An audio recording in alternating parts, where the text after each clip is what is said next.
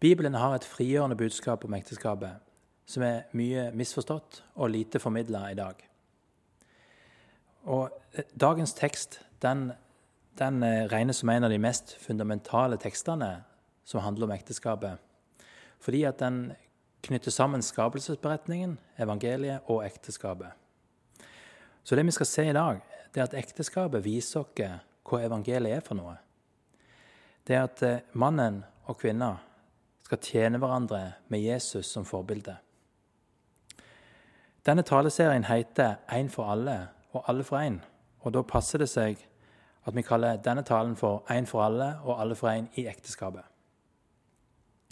Som hjelp til å snakke om disse versene så har jeg henta mye av det jeg skal si, fra to ektefeller som skriver ei bok sammen om ekteskapet. Boka heter The Meaning of Marriage og er skrevet av Tim og Cathy Keller, som er et pastorpar fra USA. I taleserien vår har vi kommet langt i Efeserbrevet nå. Eh, den første delen av brevet handler om eh, eh, evangeliet, der Paulus gir oss trygghet på at vi er Guds barn. Mens den andre delen handler om formaninger til de oss som er trygge på at vi er Guds barn allerede. I vår menighet i dag så har vi mange som er gift, og mange som er ugift. Men uavhengig av hvor din Facebook-status er i dag, så vil Bibelen kunne vise oss hvordan vi skal tjene hverandre, Eh, både i menigheten, men òg i forholdene våre. Da leser jeg dagens bibeltekst i Jesu navn. Vær hverandre underordnet i ærefrykt for Kristus. Dere kvinner, underordne dere ektemennene deres som under Herren selv. For mannen er kvinnens hode, slik Kristus er kirkens hode. Han er frelser for sin kropp. Som Kirken underordner seg Kristus, skal kvinnene underordne seg sine menn i alt. Dere menn, elsk konene deres slik Kristus elsket Kirken og ga seg selv for dem, for å gjøre den hellig og rense den med badet i vann, i kraft av et ord. Slik ville han selv føre Kirken fram for seg i herlighet, uten den minste flekk eller rynke. Hellig og uten feil skulle den være. På samme måte skal altså mennene elske sine koner som sin egen kropp. Den som elsker sin kone, elsker seg selv. Ingen har noen gang hatet sin egen kropp. Nei, man gir kroppen næring og pleier den på samme måte som Kristus gjør med kirken. For vi er lemmer på hans kropp. Derfor skal mannen forlate far og mor og holde fast ved sin kvinne, og de to skal være en kropp. Dette er et stort mysterium. Jeg tenker på Kristus og Kirken. Men det gjelder også hver enkelt av dere. Hver mann skal elske sin kone som seg selv, og hun skal ha respekt for sin mann. Amen. Det første vi skal legge merke til i dag, det er den første setningen i teksten.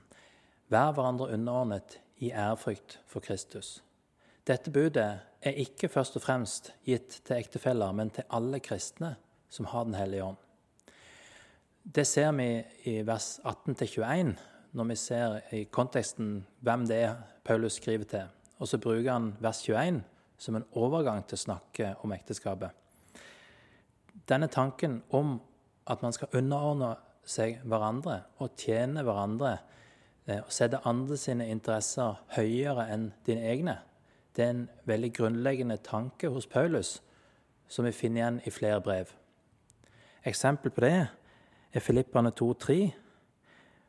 Gjør ikke noe av selvhevdelse og tom ærgjerrighet, men vær ydmyke og sett de andre høyere enn dere selv. Det samme er Romerne 15,1. Hver enkelt av oss skal tenke på det som er godt for vår neste, det som bygger opp. Men dette og at alle kristne skal underordne seg andre, det er ikke en lov eller en regel som alle skal følge. Men det er noe vi skal gjøre i ærefrykt for Kristus, står det. Det vil si at når vi ser på hva Jesus har gjort for oss, så kan det forvandle oss til å ønske å tjene andre. For han kom her ikke for å bli tjent, men for å tjene oss, og gi sitt liv som løsepenge for mange.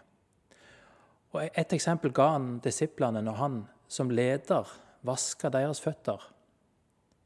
Og Når vi ser hvor lavt han sjøl satte seg sjøl, så gir det oss Ja, det gjør noe med oss. Et annet eksempel som er sentralt for dagens bibeltekst òg, er Filippane 2 fra vers 6. Der står det Han var i Guds skikkelse og så det ikke som et rov å være Gud lik, men ga avkall på sitt eget, tok på seg en trenerskikkelse og ble mennesker lik. Da han sto fram som menneske, fornedret han seg selv og ble lydig til døden, ja, døden på korset. Derfor har også Gud opphøyd ham til det høyeste og gitt ham navnet over alle navn. Paulus bruker altså dette verset som vi nå snakker om, 21, eh, som en overgang til å snakke om ekteskapet. Og videre i teksten så ser vi at han bruker to sentrale deler av Jesus sin tjeneste for kirka til å formane ektefeller om hvordan de skal tjene hverandre. Og De to eksemplene han tar, det er for det første så tok Jesus ledelsen og initiativet til forsoning ved å tjene. Den andre er at han frivillig underordna seg Faderen og ga avkall på alt for kirka sin skyld. Og Når vi videre ser på hvordan Paulus formaner menn og kvinner å tjene hverandre på, er det disse to forskjellige måtene de blir formant om å imitere Jesus på i ekteskapet.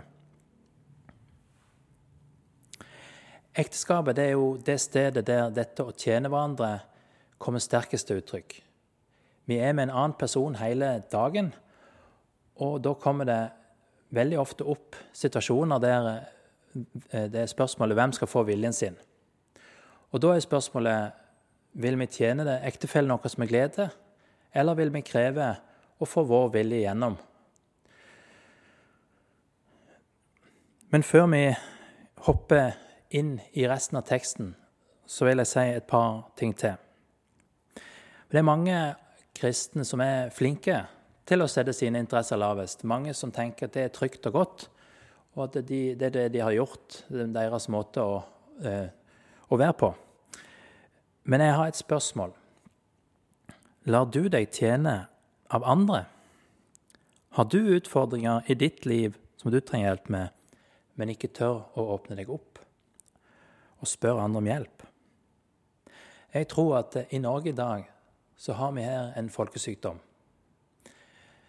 Vi vil ikke bry andre, sier vi. Men med det så står vi òg i veien for at andre kan tjene oss. Og hvorfor gjør vi egentlig det? Det kan være mange grunner til det. Kanskje vi liker å være den som tjener andre, fordi da beholder vi en posisjon som moralsk sett bedre enn andre. Eller kanskje vi ikke ønsker å være sårbare foran hverandre. Kanskje det er at vi ikke vil at Jesus sitt lys skal få lov til å lyse inn i livet vårt der det kan være noe mørkt. Det andre jeg ønsker å si, det er dette med kjønnsroller. Temaet kjønnsroller, som vi skal være innom i dag, det er et veldig kontroversielt tema. Og det burde egentlig ikke overraske oss, for allerede etter syndefallet så sa Gud til kvinner eh, at du skal begjære din mann, og han skal herske over deg. Og sånn har det blitt. Og på tross av at Bibelen viser et bilde av menn og kvinner som er likeverdige, så har dessverre Bibelen blitt brukt, blitt misbrukt til å påtvinge undertrykkende kjønnsroller. Både mann og kvinne er skapt i Guds bilde. De ble gitt det samme forvalteransvaret overfor jorda, og de fikk det samme budet om å fylle opp jorda. For Det er sånn Gud har skapt dere som mann og kvinne som to som er komplimenter til hverandre og skal oppfylle hverandre. Men etter syndefallet så har menneskenaturen eh, endra seg, sånn at det som skulle oppfylle, det har istedenfor blitt en kilde til utnyttelse og undertrykkelse. Da tenker jeg vi går inn i teksten og ser på hva, eh, og begynner å snakke om hva teksten sier til menn først. For det tror jeg vil gjøre det enklere å forstå helheten av det vi skal snakke om i dag. I vers 22-30 så formaner Paulus menn og kvinner til, eh, om hvordan de skal tjene hverandre i ekteskapet, med en klar parallell til forholdet mellom Jesus og kirka hele, verden, hele veien. Eh, han sier, 'Dere menn, elsk konene deres slik Kristus elsket kirken og ga seg selv for den'. Men hva er det egentlig han sier at menn skal gjøre? Kommanderer han menn til alltid være forelska i konene sine? Det er litt vanskelig å følge. Og, men det er, ikke, det er, ikke, vanskelig å gjøre fine ting for hverandre når, man, når det føles godt å være sammen. Det er når følelsene ikke er der, at det er utfordrende men hvis begge to da skulle slutte å gjøre gode ting mot hverandre, så ville ekteskapet ha et problem. Utfordringen er jo å tjene ektefellen når vi ikke har lyst. Uansett hvor godt et ektepar har det sammen, så vil det komme perioder der dette blir vanskelig.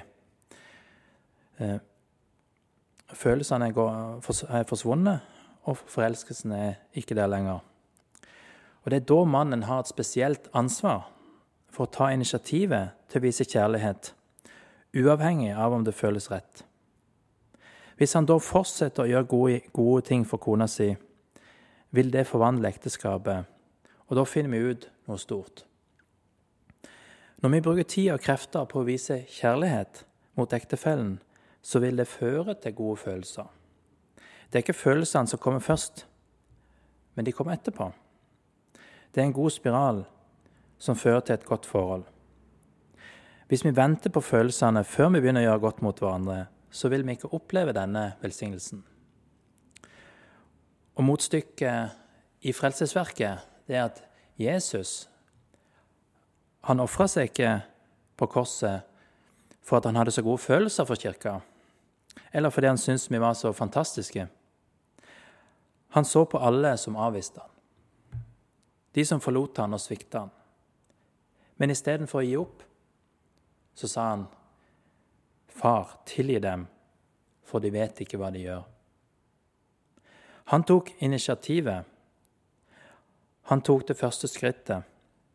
Og på samme måte så har altså mannen ansvar for å ta initiativet til å vise konene sine kjærlighet. Mannen sitt ansvar er altså å påta seg å lede i å tjene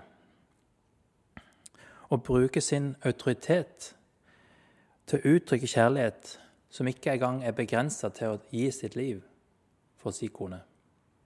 Til kvinnene så står det dere kvinner, underordner dere ektemennene deres som under Herren selv.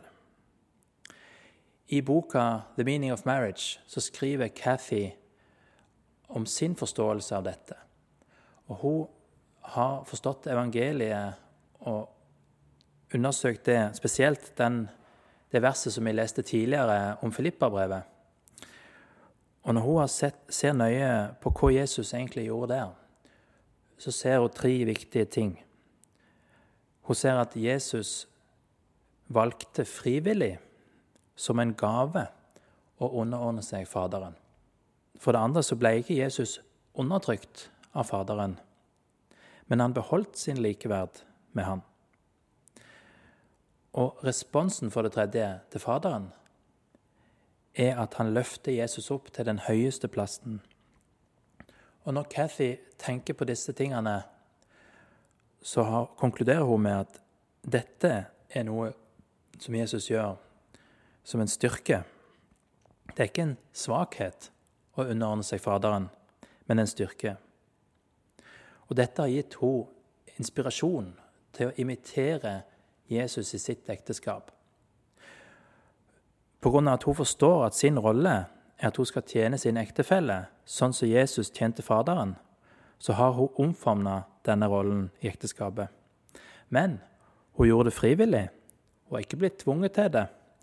Og hun har på ingen måte mista sin likeverd med ektemannen sin. Og dette sier jo at hun har velsigna ekteskapet hos sitt. Videre sier teksten for mannen er kvinnens hode, og slik Kristus er kirkens hode.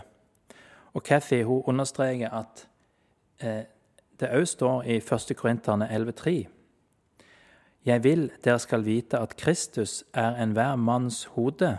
Mannen er kvinnens hode, og Kristi hode er Gud. Og når vi hører disse bibeltekstene i dag, så er de fullstendig på kollisjonskurs med hvordan kulturen tenker i dag.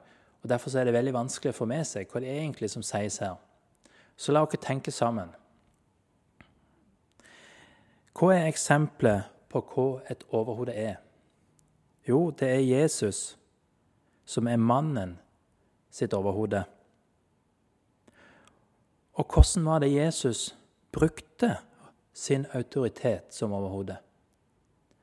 Jo, han ofra seg på korset for oss. Og Når vi forstår det, så ser vi at det ikke er snakk om undertrykkelse, men tjeneste. Hvis mannen sin oppgave som overhode først og fremst er å ta initiativet til å sette sine interesser lavest og tjene sin kone, så er det det motsatte av å dominere. Det er en radikal forståelse av mannen sin rolle som absolutt ikke kan brukes for å få gjennom mannen sin vilje. Men i noen sjeldne tilfeller der det ikke er enighet, så kan han bruke den autoriteten til å ta en beslutning på vegne av familien. Men det kan han bare gjøre hvis han er overbevist om at det alternativet ville være destruktivt for familien sin. Og i sånne tilfeller så er mannen ansvarlig, og han vil holdes ansvarlig for motivene sine. Og Derfor er det en veldig krevende rolle å ha. Eh, og som Cathy skriver, så er det en rolle som mannen må underordne seg, på samme måte som kvinnen med sin rolle må gjøre det. Så Oppsummert så sier altså Cathy at hvis mannen prøver å gjøre sin del, så er det ikke farlig for kvinner å gjøre sin del. Men hun kommer med en advarsel likevel. Vi som kirke skal ikke overse den lidelsen som kvinner har gjennomgått i ekteskap med menn som har hatt ubibelske oppfatninger av dette og tvunget gjennom sin vilje og undertrykt kona si. Og det må vi si tydelig at hvis mannen synder på den måten, så er det selvfølgelig ikke kvinners oppgave å underordne seg. Men samtidig så presiserer hun at vi likevel bør ta til oss de rollene som Jesus har definert og levd ut, for at vi skal imitere dem. Og disse rollene kan vi jo forstå, prinsippene bak. Men vi skulle gjerne trengt litt mer konkrete råd. Hvordan er det vi gjør dette? Hvordan er det vi lever det ut? Og, eh, men til det så har ikke Bibelen noen svar. Og det er egentlig veldig godt, for det betyr at rigide kjønnsroller det er ikke et bibelsk konsept. Vi må sjøl finne ut hvordan vi skal uttrykke kjønnsrollene innenfor disse prinsippene. Sjøloppofrende kjærlighet det er en essensiell del av hvem Gud er.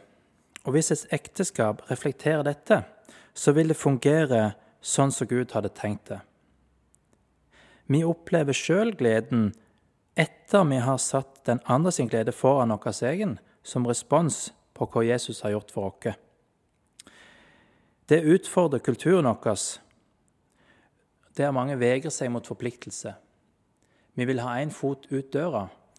Vi vil satse på flere hester, for da er vi mindre sårbare. Det er ikke én for alle og alle for én, men alt for seg sjøl. Men i stedet for å karre til seg og forhandle seg fram til et kompromiss eh, for hvem som skal få viljen sin i ekteskapet, så er Bibelen sitt radikale budskap at begge to frivillig skal sette sine interesser lavest og tjene den andre.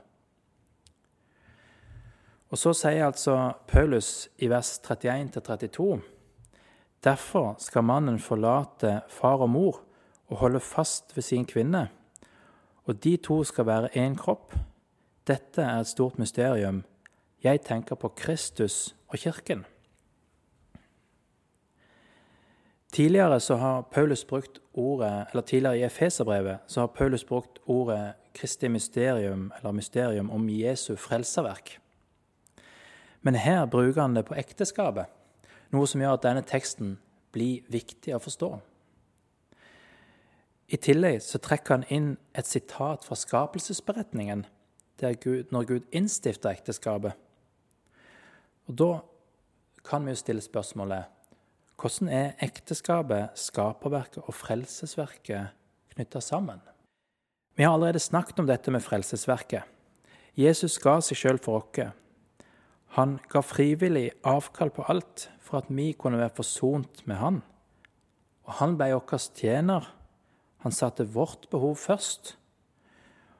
Og det er ifølge Paulus, dette er ifølge Paulus nøkkelen til å forstå hva et ekteskap er, og hvordan man skal leve det ut. Men når Paulus siterer skapelsesberetningen, så knytter han dette sammen.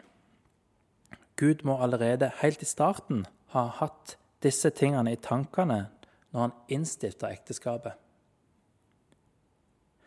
Ekteskapet fungerer bare hvis det imiterer Jesus sin sjøloppofrende kjærlighet. Hemmeligheten er at evangeliet og ekteskapet forklarer hverandre fordi de er bygd på hverandre. Derfor vil det å erfare ekteskapet òg føre til en dypere forståelse av evangeliet. Når vi har vært gift en stund, så kjenner vi til hverandre sine gode og dårlige egenskaper.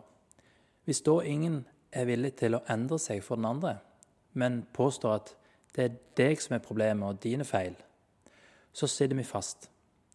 Men hvis vi heller begynner å tenke sånn at det er mine feil som er hovedproblemet i ekteskapet, ikke den andre sin, da har vi utgangspunktet for et godt ekteskap.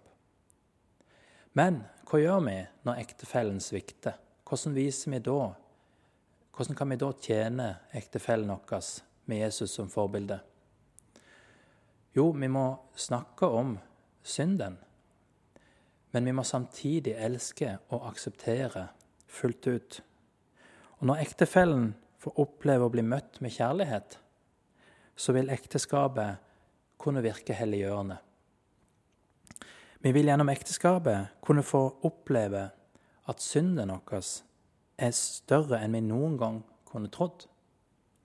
Men at vi er mer elska og akseptert i Jesus Kristus, men òg av ektefellen vår, enn vi noen gang kunne håpet på.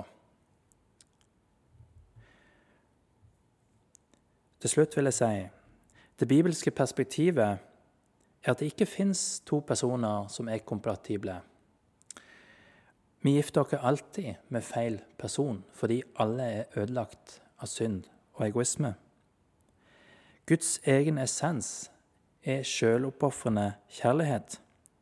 Han har skapt dere sånn at det er dette som gir dere gode ekteskap.